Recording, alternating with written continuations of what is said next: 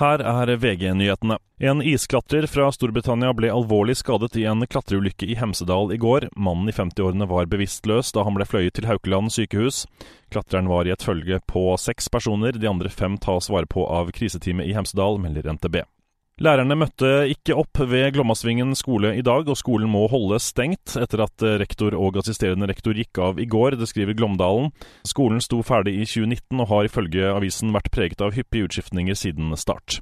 To personer er sendt til legevakt etter en trafikkulykke på Tynset mellom to biler. Veien er delvis sperret, kun personbiler kan passere. En urolig omverden påvirker sikkerheten i Sverige, og den alvorlige sikkerhetssituasjonen kommer til å bestå i lengre tid, sier sjefen for det svenske sikkerhetspolitiet Charlotte von Essen når hun legger frem årsrapporten deres. Hoten mot Sverige er komplekse, og i en større utstrekning enn tidligere så ser vi at de går inn i hverandre og forsterkes. Vi må lære oss å leve allihopa med det alvorlige sikkerhetsleget. I studio Andreas Hagen Håkonsen, nyhetene får du alltid på VG.